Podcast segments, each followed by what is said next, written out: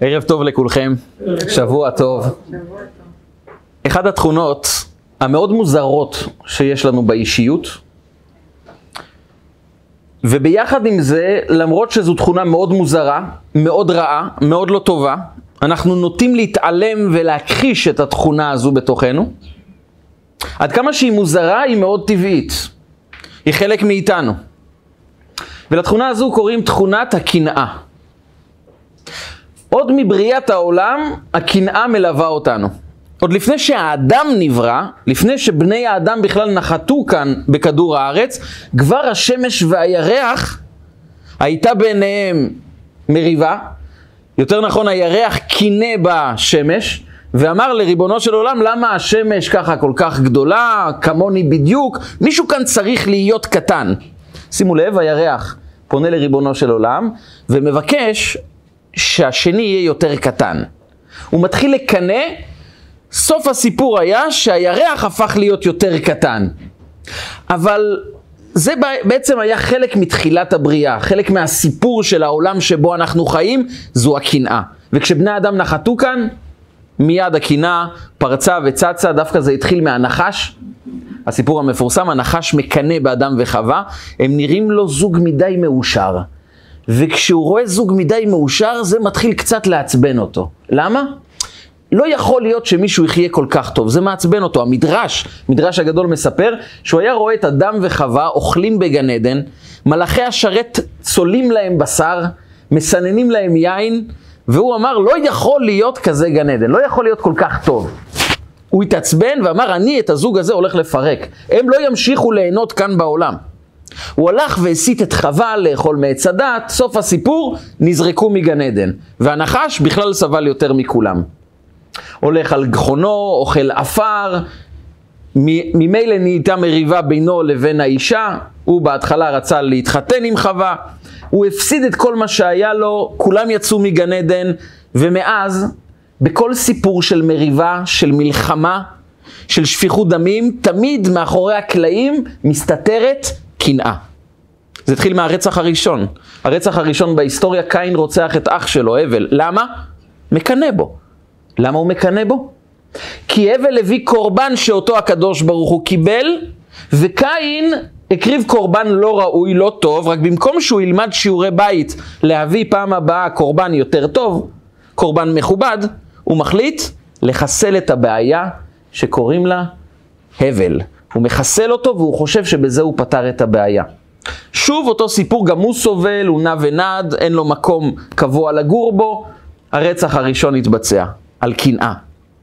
וזה ממשיך הלאה, כולנו מכירים את סיפור אחי יוסף, הם מקנאים ביוסף, ובגלל זה כולנו יורדים מצרימה, ואנחנו חווים את הגלות של מצרים עם השעבוד, שוב, הכל על קנאה. ובפרשת השבוע, המקנא הגדול, יוצר המחלוקת, על שמו כל המחלוקות נקראות קורח וכל עדתו. קורח חולק על משה רבנו. הוא מבצע פילוג כללי בעם, סיפור שקורע את העם לשניים. ועל מה? על מה, מה הסיפור שלו? אומר רש"י, גדול פרשני התורה, מה קורח שהיה אדם פיקח, אדם חכם? הוא לא סתם היה אדם חכם, הוא גם היה אדם קדוש. הוא גם היה מנושאי אהרון. מבין כל הלוויים, היחיד, או בין היחידים שנבחרו לקחת את ארון הקודש עם לוחות הברית בפנים, היה קורח. והוא נכנס למריבה שכל אדם עם קצת היגיון מבין שהיא חסרת סיכוי.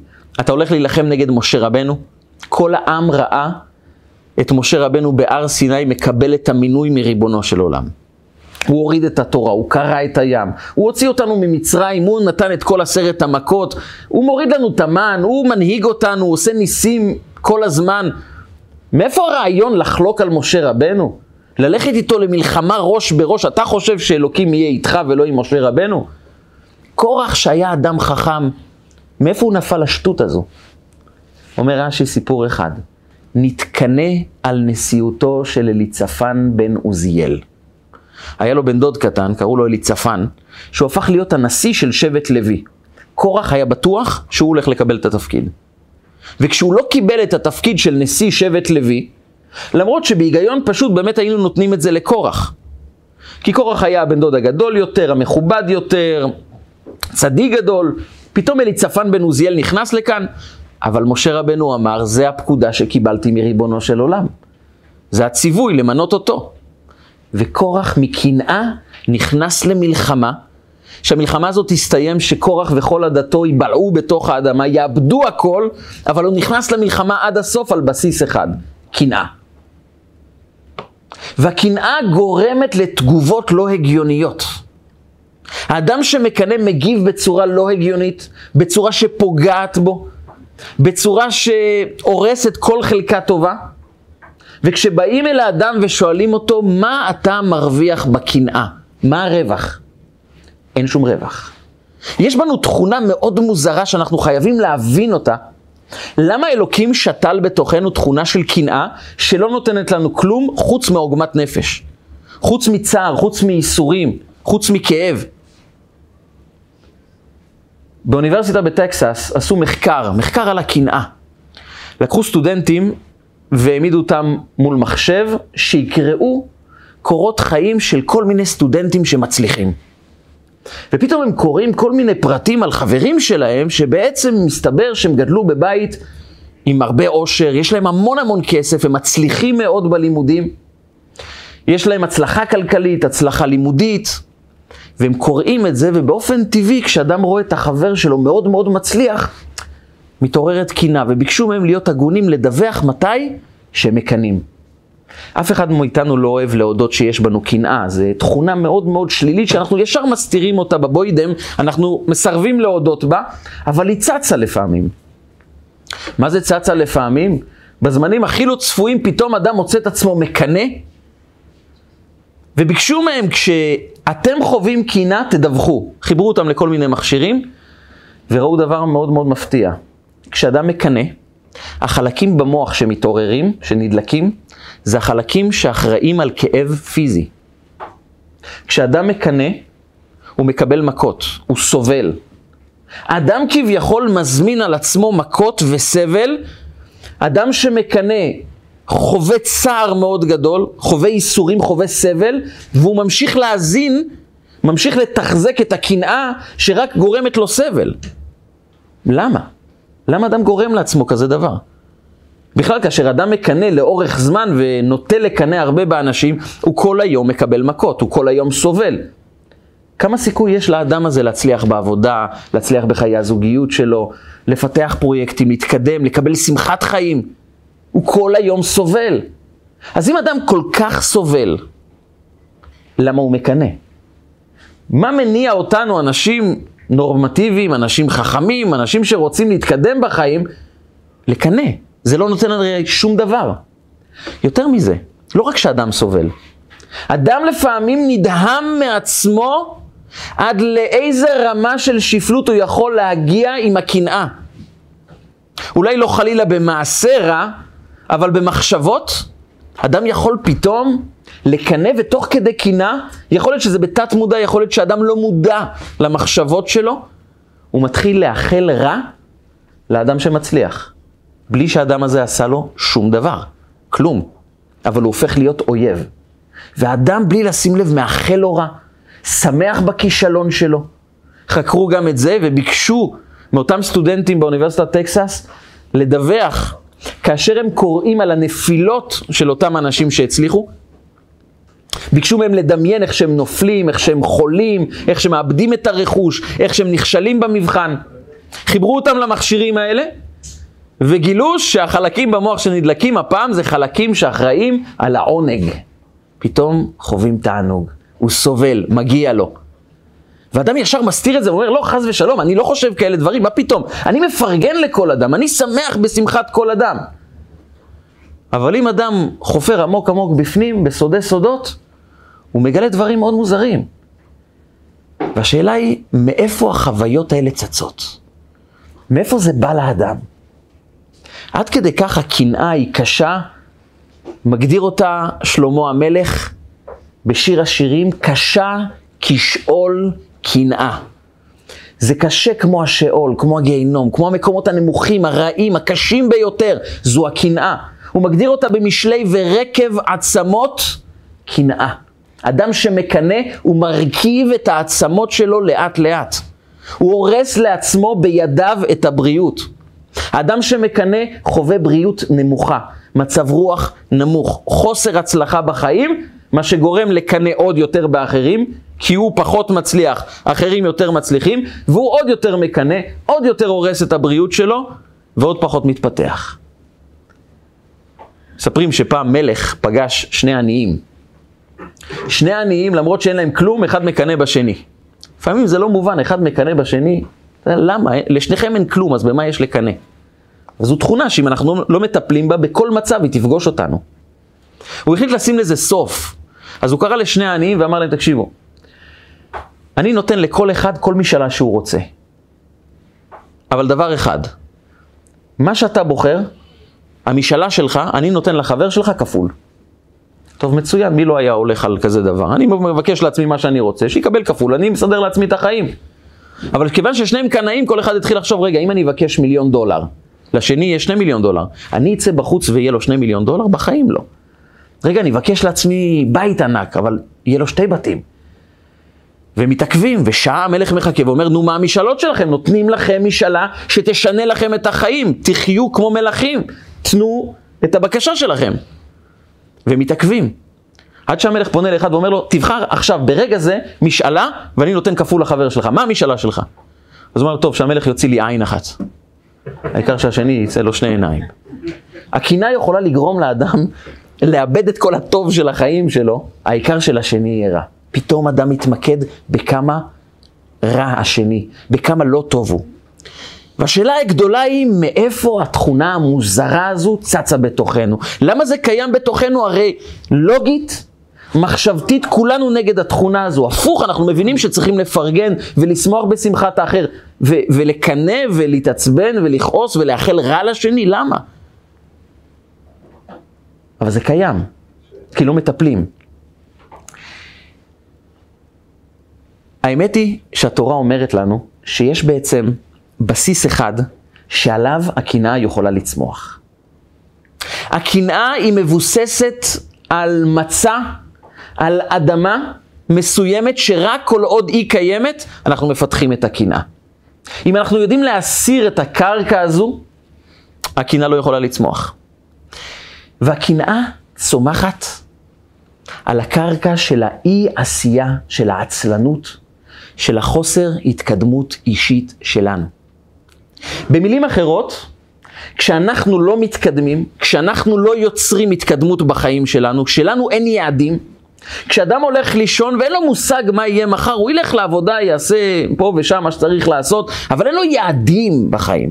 הוא לא הולך ללמוד משהו חדש, הוא לא הולך לפתח תכונה חדשה, הוא לא הולך להעצים בתוכו איזו תכונה טובה שקיימת. אז הוא נרדם, הוא שקוע, והוא אומר לעצמו, בתוך בתוך הנפש שלו, אתה לא מתקדם, אתה לא שווה, אתה לא יוצר שום דבר. וכאשר הוא פוגש בשני שמצליח, הוא לא מקנא בשני בעצם, הוא מתעצבן על עצמו. למה אתה לא מתקדם? למה אתה לא שווה? למה אתה לא יוצר מעצמך משהו? ואז הוא מאבד שליטה. למה הוא מאבד שליטה?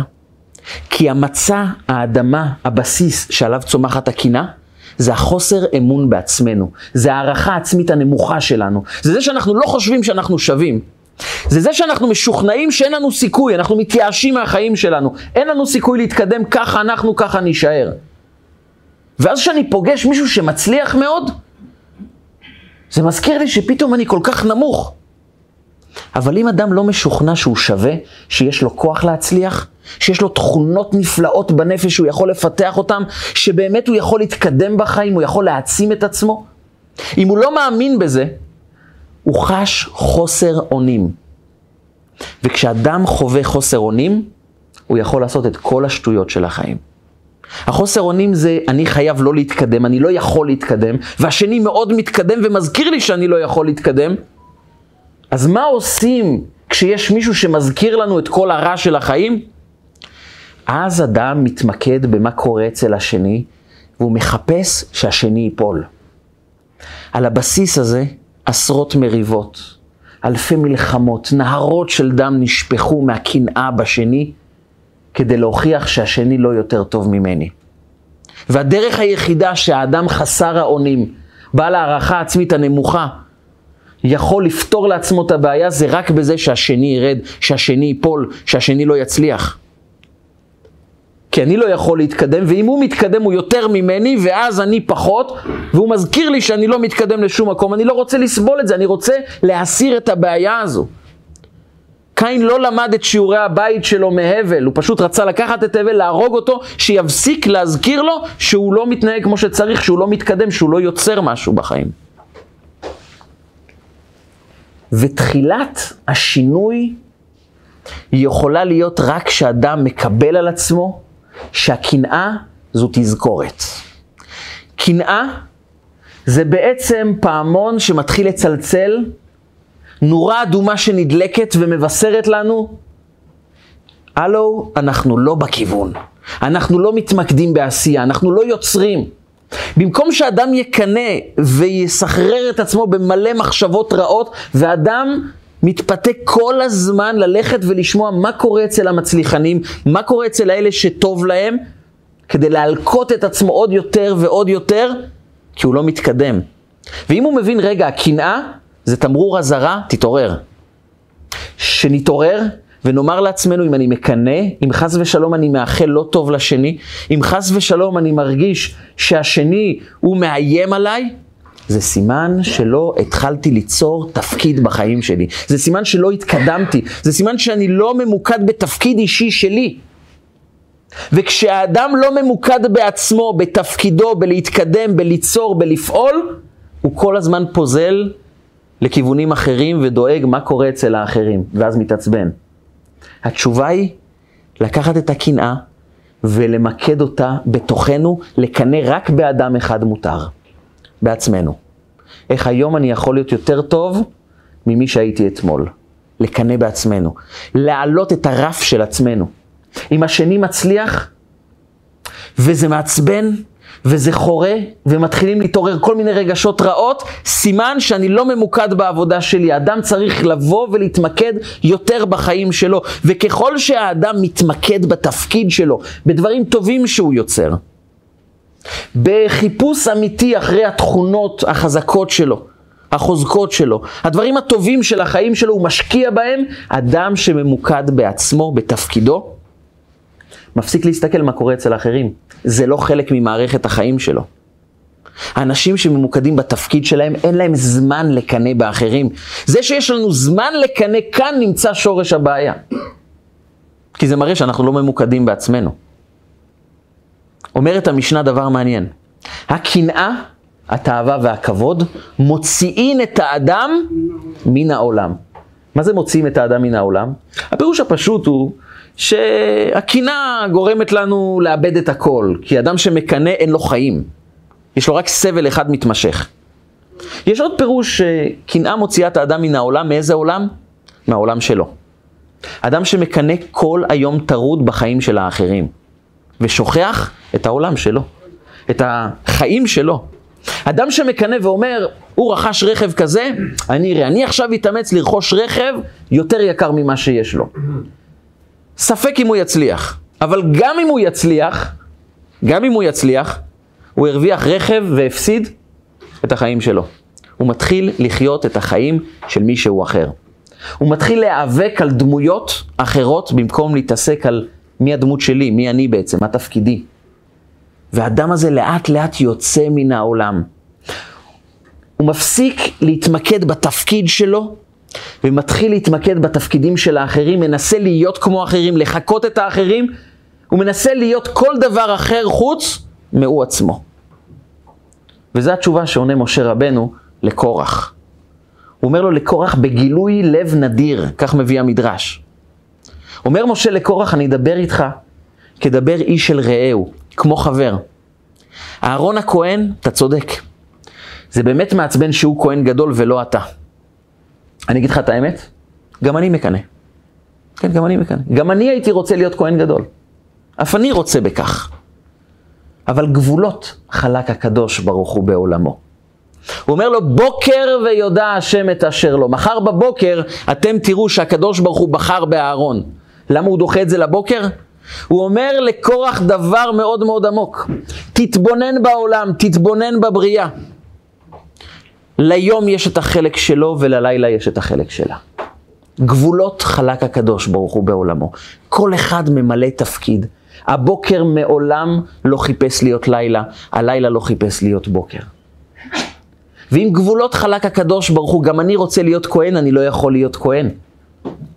אני הייתי מאוד רוצה את ההתעלות הזו של הכהונה, אבל זה לא חלק מהתפקיד שלי, אני לא מתמקד בזה, אני מתמקד בלהיות משה רבנו. אתה קורח, אתה רוצה להיות אליצפן, אתה רוצה להיות אהרון הכהן, שכחת להיות מישהו אחד, להיות קורח. והכי טוב בשבילך זה להיות קורח. מספרים על רבי זושה מהניפולי, שהוא היה רב גדול, תלמידו של המגיד ממזרית, שהיה תלמיד של הבעל שם טוב, אחד מחבריו של אדמו"ר הזקן בעל התניא. הוא אמר פעם לתלמידיו, אתם יודעים, לעתיד לבוא, כשמשיח יבוא והקדוש ברוך הוא יתגלה בעולם, הוא ייקח כל אחד ואחד, ביניהם גם אותי, ישים אותי על כף היד ויאמר לי, זושה. הוא לא ישאל אותי, ככה אומר לתלמידיו, הוא לא ישאל אותי, זושה, למה לא היית משה רבנו? למה לא היית אהרון הכהן? למה לא היית הבעל שם טוב? הוא אומר לתלמידיו, אתם יודעים מה הוא ישאל אותי? זושה. למה לא היית זושה? למה לא היית מי שאתה אמור להיות? למה אתה צריך להיות מישהו אחר? מאיפה התרבות הזו של החיקויים, של הניסיון להיות כמו מישהו אחר, להיראות כמו מישהו אחר? התרבות הזו מבוססת על זה שאנחנו ממוקדים לא בהתקדמות שלנו, אלא רק במה שאחרים עושים. ואז אנחנו מאבדים את החיים. וגם אם אדם נהיה מאושר לרגע כי הוא הצליח לעקוף את החבר שלו, הוא הצליח לנצח אותו, הוא הצליח לרכוש בית יותר יפה, לקבל קידום בעבודה עוד יותר ממנו, להרוויח משכורת יותר גבוהה ממנו. אבל הוא הפסיד דבר אחד, את העולם שלו. הקנאה מוציאה את האדם מן העולם הפרטי שלו. לכן הקנאה הרעה היא תזכורת להתמקד בתפקיד שלנו יותר. כי המצע שעליו גודלת הקנאה, הבסיס ששם יכולה להתפתח התכונה הרעה הזו, זה בסיס של אדם שלא ממוקד בתפקיד האישי שלו. ולכן זה הזמן בדיוק להחליט מהם היעדים החדשים שלי, מה אני מתפתח עכשיו, איזה תכונות אני הולך להעצים, מה דבר חדש שאני הולך ללמוד. מעבר רק לעבודה, לסגור את החודש, להעביר את הימים, משהו אחר שאיתו אני פורס כנפיים, אני עולה, אני צומח, אני לומד. רק בדרכים האלו אדם יכול להתמקד בעצמו, והסוד הוא, ככל שאדם מתמקד בעצמו, הוא פחות מתמקד במה קורה אצל האחרים. את הסוד הזה גילה גם אברהם אבינו לאליעזר. אליעזר עבד אברהם. אליעזר עבד אברהם הייתה, היה אישיות יוצאת מן הכלל. הוא היה גוי שהתחבר לאברהם אבינו, ולמד תורה מאברהם אבינו עד כדי כך שקראו לו דמשק אליעזר. מה זה דמשק? זה לא רק עיר בסוריה, זה בעצם ראשי תיבות של דולה ומשקה מתורת רבו לאחרים. זה בעצם בא לומר שאליעזר היה האדם שקיבל את כל חוכמתו הרבה של אברהם אבינו ולימד אותה בעולם. הוא הפך להיות התלמיד הבכיר של גדול הפילוסופים, גדול המאמינים, גדול החכמים בדור, שזה היה אברהם אבינו, והוא התלמיד המובהק, התלמיד הבכיר של אברהם אבינו. אומר המדרש, הוא כל כך התחבר לנפש של אברהם אבינו, זיו איכונין של אליעזר דומה לרבו. הוא הפך להיות דומה לאברהם אבינו, אליעזר. זה היה חיבור נפשי, חיבור אה, שכלי, חיבור של, אה, של, של אמונה ביחד. הם חיו כל כך ביחד, כל כך, כל כך אליעזר האמין באברהם אבינו. כל כך התחבר לדרכו של אברהם אבינו, שלאליעזר הייתה משאלה אחת כמוסה. היה לו איזה רצון פנימי שהוא אף פעם לא דיבר עליו. יש לאברהם אבינו בן, בן מושלם, יצחק. ובדיוק יש לאליעזר גם בת, מושלמת, טובה מאוד. מה יכול להיות יותר טוב מלחתן את הבת של אליעזר עם הבן של אברהם אבינו? הרי כל העולם עובדי אלילים. מבין אלה שמאמינים בדרכו של אברהם אבינו, יש אחת שהיא הכי מתאימה ליצחק וזה הבת של אליעזר. בת של רב מאוד מאוד גדול, בת של גדול תלמידו של אברהם אבינו. מה יותר טוב מלחתן את הבן של אברהם אבינו עם הבת של גדול התלמידים שלו? זה היה נראה לו פשוט, ברור, מובן, טבעי. ויום אחד אברהם אבינו קורא לו ואומר לו, תלך לחרן, תחפש אישה לבני. השמיים נפלו על אליעזר. למה ללכת לחרן? יש לך פה ליד הבית. את כל מה שצריך. ואברהם אבינו אומר לו, ואשביעך באלוקי השמיים ואלוקי הארץ. אני משביע אותך באלוקי השמיים ואלוקי הארץ, תלך לקחת אישה מחרן. את הבת שלך אני לא לוקח. ואליעזר עמום, אבל הוא קיבל תשובה במשפט הזה, אלוקי השמיים ואלוקי הארץ. אומר לו אברהם אבינו, אתה יודע, לפני שאלוקים ברא את העולם, הוא לקח כל פרט ופרט בבריאה והודיע לה, הודיע לה עץ, אתה הולך להיות עץ. מקובל עליך או שאתה רוצה להיות משהו אחר? אמר העץ, אני מקבל להיות עץ. השמש, השמיים, הכוכבים, הארץ, כל מה שנברא בשמיים ונברא בארץ, הסכים להיות מישהו. אומר לו אברהם אבינו, אתה מעולם לא תראה עץ שרוצה להיות כוכב. אתה מעולם לא תראה חמור ששואף להיות ציפור. השמיים לא רוצים להיות ארץ והארץ לא רוצה להיות שמיים, היום לא רוצה להיות לילה והלילה לא רוצה להיות יום. כל אחד יש לו את התפקיד שלו ואף אחד לא מקנא באף אחד. כולם עושים את עבודתם. אז תזכור אליעזר. אני לא יכול להגיד לך למה, אבל הבת שלך לא מתאימה לבת, לבן שלי. זה לא מתאים. ואם זה לא התפקיד, תמלא את שליחותך באמונה. כי אם אליעזר היה מעורר קנאה, הוא לא היה מוצא את רבקה בשביל יצחק. למה? הוא אומר, רגע, אם אני מקנא עכשיו בבנות חרן, בבנות אה, בתואל, אז אני אכשיל את העסקה הזו, אני אכשיל את השידוך, יחזור לאברהם אבינו ויגיד לו, תשמע, מאוד השתדלתי, לא הלך. אבל נשאר איזה בת אחת פה, הבת שלי, אולי תיקח אותה? ואברהם אבינו מזהה את זה ואומר לו, אליעזר, תלמד אולי את השיעור הכי חשוב של החיים שלך. לכל אדם יש תפקיד. לכל אדם יש משימה. לעולם אל תנסה להיות מישהו אחר. לעולם אל תנסה לקחת תפקיד של מישהו אחר. לא תפקידך לחתן את הבת שלך עם הבן שלי. זה לא מתאים, זה לא זה. ואם אתה מבין את זה מאוד מאוד לעומק, אתה יכול למלא, ואליעזר ביצע את המשימה הזו במושלמות. כמה שהוא רצה שהבת שלו תתחתן עם יצחק, זה שיא השיאים מבחינתו כאבא. הוא מילא את שליחותו באמונה למצוא את הבחורה הכי טובה בשביל יצחק. הוא לא קינא, כי הוא הבין, זה לא חלק ממערכת החיים שלי. וכשאדם מקבל את זה, מפנים את זה, מפסיק את, הר... את הרדיפה אחרי ההבל, אחרי הכלום, אחרי מה שלא שייך לי, הוא נרגע, והוא יכול להיות אדם מפרגן, אוהב, כי הוא מבין שכל אחד עם התפקיד שלו. הבעיה היא שאנחנו מסרבים לפעמים לקבל את זה שזה התפקיד שלנו. אנחנו רוצים למלא תפקיד של מישהו אחר. אנחנו רוצים להיות כמוהו. רב גדול כמוהו, או זמר גדול כמוהו, איש הייטק כמוהו, או איש מצליח כמוהו, עשיר כמוהו, משפחה טובה כזו. ומכיוון שהחיים שלנו לא מושלמים, תמיד נמצא במי לקנא. זה לא ייגמר לעולם. וזה גוזר עלינו רק חיים של סבל. אברהם אבינו מציע לאליעזר, שם חיים, דרך חיים של רוגע, של נחת. תסתכל על הבריאה. הכיסא מעולם לא שאף להיות שולחן. והכוכבים לא רוצים להיות עצים, והנחלים לא בוחרים להיות שמש, וכל אחד עושה את התפקיד שלו. דע לך, זה לא שייך למערכת החיים שלך, תעזוב. ואליעזר מבין את זה, והוא הולך לעשות את עבודתו נאמנה. ואברהם אבינו סומך עליו והולך, שולח אותו לבחור אישה לבנו, והוא בטוח שאליעזר לא יכשיל את העסקה, לא יהרוס את השידוך בשביל לשים את הבת שלו קצת יותר קדימה. לא, כי אליעזר הבין, יש גבול לכל דבר, מה שאומר כל אחד עם התפקיד שלו. יש מיליארדר סעודי, אל-וליד אבן טלאל קוראים לו. מיליארדר ענק, מפורסם בעולם. חלק מהפרסום שלו, הוא קיבל את זה בזכות העצבים שלו, הכעס שלו. למה? הוא כועס מאוד ובצדק, כי באמת כשהחיים לא טובים אז החיים לא טובים, יש מה להתעצבן. וחלק מהסיבות שהחיים שלו הרוסים לגמרי, זה שבמגזין פורבס, המגזין שמדרג את 100 אה, העשירים ביותר בעולם, הוא לא נמצא בחמישייה הראשונה. וזה מעצבן, כי אתה לא יכול לראות את החברים שלך נמצאים בחמישייה הראשונה, ואתה נמצא רק במקום העשירי או החמש עשרה.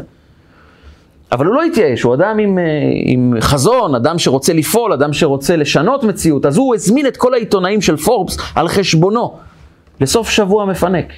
ושם הוא הראה להם את כל הדוחות הכספיים שלו, ושבאמת יש לו הרבה יותר חברות ממה שחושבים, והוא מגלגל עסקים במזרח הרחוק ובאמריקה ובסעודיה, ויש לו בארות נפט. והם נהנים מסוף שבוע טוב, ואומרים לו שמענו, התעניינו, וזה באמת מעניין. ואחרי חודש הוא מקבל את המגזין בחזרה, הוא קורע את הניילון, פותח, והוא מגלה ששוב הוא לא בחמישייה הראשונה. והוא חוטף עצבים וצועק, שכל העובדים שלו יודעים שביום הזה לברוח ממנו, לא להיות לידו. זה שהוא קנה מטוס על שלוש קומות בחצי מיליארד דולר, לא מרגיע אותו.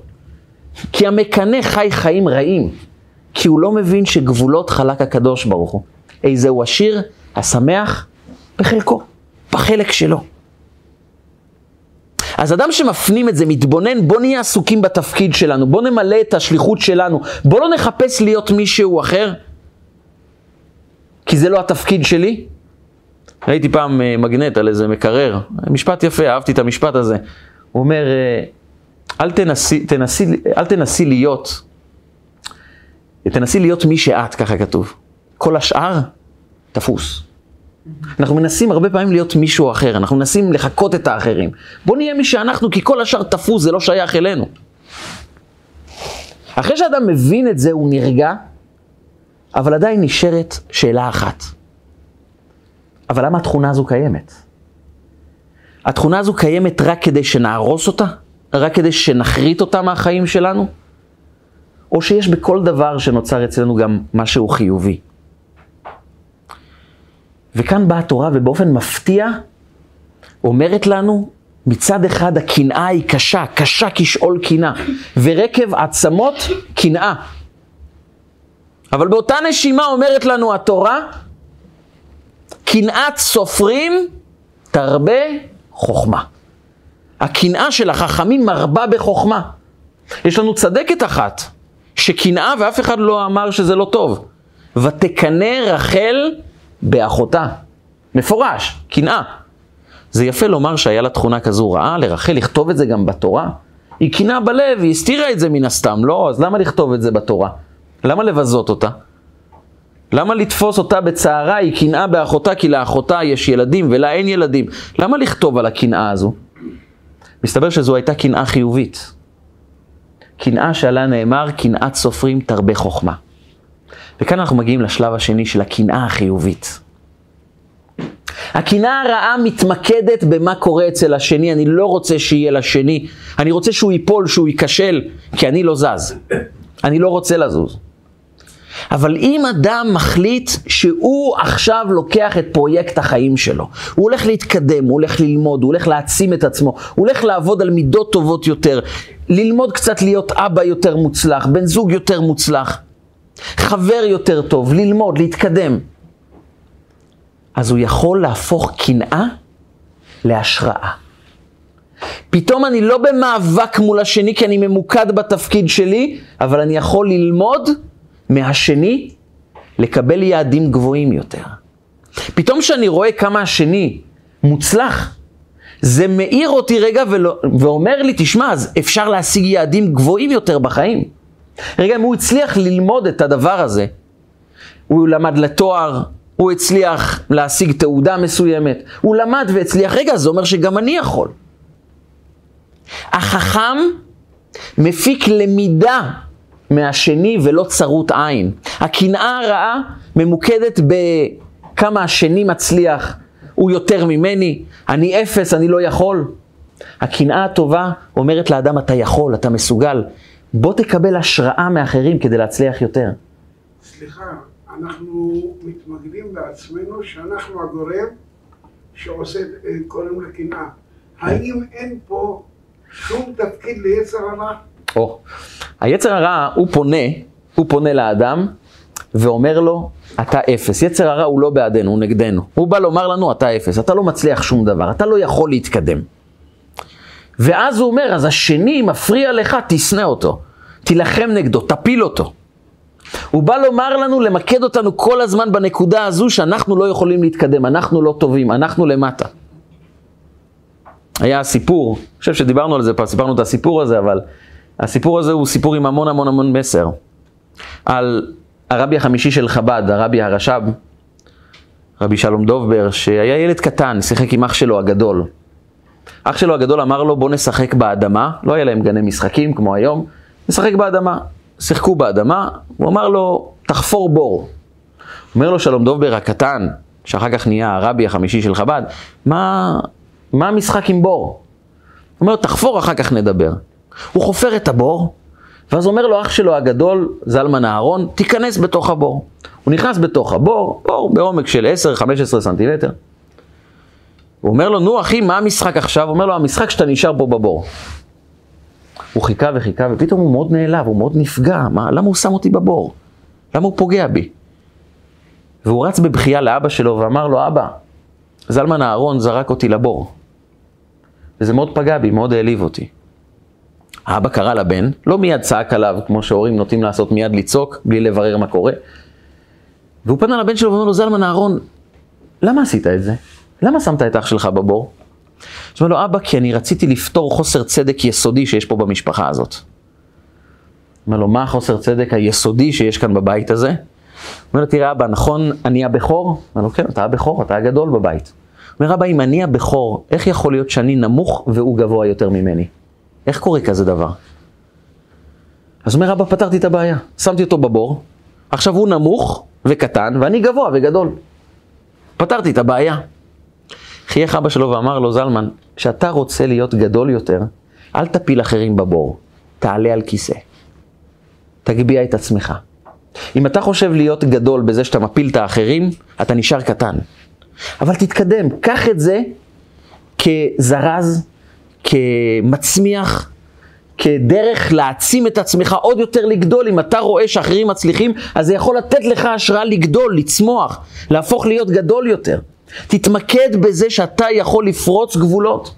האדם שהוא חכם, הוא פורץ גבולות בעקבות מה שהוא לומד מהאחרים, ולכן לא רק שהוא לא שונא את האחר, לא רק שחס ושלום הוא לא מאחל רע לאחר, הוא אוהב את האחר, הוא שמח בהצלחה של האחר. והוא שמח ללמוד מהאחר, להצליח בחיים שלו יותר טוב. הוא רואה את הפוטנציאל שיש לו, כי האדם שממוקד בתפקיד חייו, הוא מקבל השראות מהאחרים. והוא בעצמו הופך להיות השראה לאנשים אחרים. בעצם הקנאת סופרים ותקנא רחל באחותה, זה קנאה, אומר לנו רש"י, במעשיה הטובים. היא שאלה את עצמה, רגע, למה לאחותי יש ילדים ולי אין? אז במקום לקנא ולומר חס ושלום שיקרה משהו לה, שיקרה משהו לילדים שלה, היא קנאה במעשיה הטובים. היא אמרה, כנראה שהיא מתנהגת טוב יותר. מה אני יכולה ללמוד ממעשיה הטובים כדי שגם אני, במסלול שלי, בחלק החיים שלי, יזכה גם כן לילדים. ולכן הקנאה הזו מוזכרת בתורה, כי זה לא קנאה רעה. זה קנאה חיובית שמצמיחה את האדם, שגורמת לו לפרוץ את הגבולות של עצמו, ללמוד להיות יותר טוב. כמה השראה אנחנו יכולים לקבל מהאחר. אבל הבחירה שיש בידינו כל רגע בחיים, יש לנו בחירה בין קנאה רעה לקנאה בונה. בין התמקדות באחר לבין התמקדות בעצמנו ובתפקיד שלנו. האדם שבוחר לא להתקדם, לא להיות ממוקד בשליחות האישית שלו, לא להבין שיש גבולות בעולם וכל אחד קיבל את התפקיד שלו, ולא לחפש להיות מישהו אחר כי זה כבר תפוס, בוא תהיה מי שאתה, זה הכי טוב בשבילך. כשאדם ממוקד בתפקיד האישי שלו, הוא מתחיל לקבל השראה מאחר, כי אין לו שום עניין בתחרות עם מישהו אחר. כי אנחנו לא נמצאים בתחרות בעולם. אנחנו נמצאים בתחרות רק עם אדם אחד, עם עצמנו. על זה אומרת הגמרא, מי שמסתכל, חושק, מביט במה שלא שייך לו, לא רק שהוא לא יקבל את מה שלא שייך לו, גם מה שיש לו הוא מאבד. קורח היה אדם שהוא היה מנושאי הארון, צדיק גדול. היה אמור להיות לפי ספר הזוהר לוי גדול, כמו שיש כהן גדול, הוא אמור להיות לוי גדול. הוא היה אדם מאוד מכובד, קרוב משפחה של משה רבנו, גדולי הלוויים. הבעיה שלו תמיד היה ממוקד בחיים של מישהו אחר. למה אליצפן ככה? למה אהרון ככה? אומר לו, אומר לו משה רבנו, תהיה קורח. אין יותר טוב בשבילך בעולם מלהיות קורח. אתה הרבה יותר מכל עם ישראל, ואתה בוחר להסתכל בקצת שאתה לא נמצא, במקום שאתה לא נמצא. למה? בוא תהיה קורח, זה הכי טוב. תסתכל על היקום, כל אחד עושה את התפקיד שלו. וכשאדם ממוקד בתפקיד שלו, אצלו יש קנאה, קנאה חיובית. אנחנו בעצם משתמשים בקנאה בצורה הלא נכונה, בגרסה המזויפת של קנאה, בגרסה הלא נכונה, בגרסה ההרסנית. זה וירוס שחודר למחשב ומשמיד את כל הנתונים. אבל בעיקרון זו תוכנה חיובית, שאם אנחנו רק משתמשים באורגינל, אם אנחנו רק מנצלים אותה בצורה נכונה, היא יכולה לבנות אותנו. כי כמה השראה אנחנו יכולים לקבל מכל אחד ואחד. פתאום המקנא החיובי, הקינת סופרים, מרבה אצלו בחוכמה, כי מכל אדם שהוא פוגש הוא אומר, אני יכול ללמוד ממך, אני יכול לקבל המון טוב, אני יכול לצמוח. אבל הבחירה בידינו, האם לבחור בקנאה או בהשראה, בצמיחה או בלשקוע בדבר שלא מקדם אותנו לשום מקום.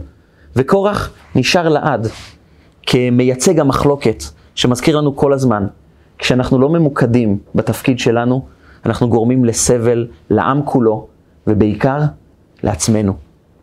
אנחנו גורמים סבל לעולם לא רק בגלל שהעולם סובל, אלא כי העולם מחכה לטוב שיש לנו. העולם צריך את הטוב שיש לנו, ואנחנו לא מגלים אותו, כי אנחנו עסוקים בחיים של מישהו אחר. כי אנחנו עסוקים בקנאה, בשנאה, בתחרות, שמפרידה אותנו מעצמנו, ואז העולם לא מקבל את הטוב שיש לנו, ואנחנו גם מאבדים את כל הטוב שיש בחיינו. התשובה היא בעצם לגלות בתוכנו את כל הטוב שקיים, לצמוח דרך זה שאנחנו אוהבים את השני, מבינים שלכל אחד יש תפקיד והשראה אנחנו מקבלים מהשני.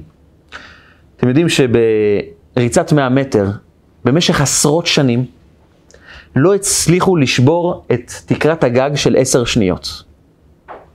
הרצים, האצנים הטובים ביותר בעולם, לא הצליחו לשבור את המחסום של עשר שניות. עד כדי כך שמדענים הוכיחו במחקרים מדעיים שגוף האדם לא מסוגל לעבור 100 מטר בפחות מ-10 שניות. הם הוכיחו את זה מחקרית, מדעית. זה הפך להיות טאבו, זה הפך להיות uh, תובנה אצל כולם, ש-10 שניות, פחות מזה, אי אפשר לרוץ 100 מטר. עד שיום אחד מישהו פיצח את uh, תקרת הזכוכית הזו. הוא רץ 9 שניות 58, 58 מאיות. הוא הצליח. והפלא הגדול, שהוא שבר את מחסום עשר השניות, בכל שנה מישהו אחר שבר את המחסום שלו. עקפו את זה. פתאום נפרץ איזה סכר כזה שכולם פורצים את מחסום עשר השניות.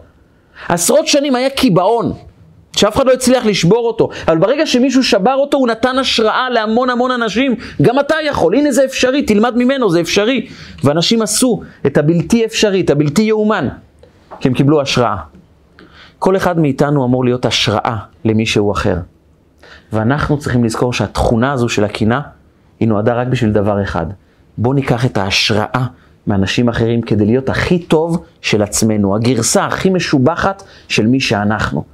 אז כל אחד בעצם הוא נר להאיר את השני. ורק אם נסתכל על עצמנו כנר שבא להאיר תחום מסוים, ומקבל המון השראה מנרות אחרות, מנרות אחרים, אנחנו יכולים להפוך להיות אור אחד, לאהבה גדולה, כי כל אחד ואחד מאיתנו מעניק לשני, שמח בשמחת האחרים, מקבל השראה מהשני, ואז כל נר מדליק נר אחר.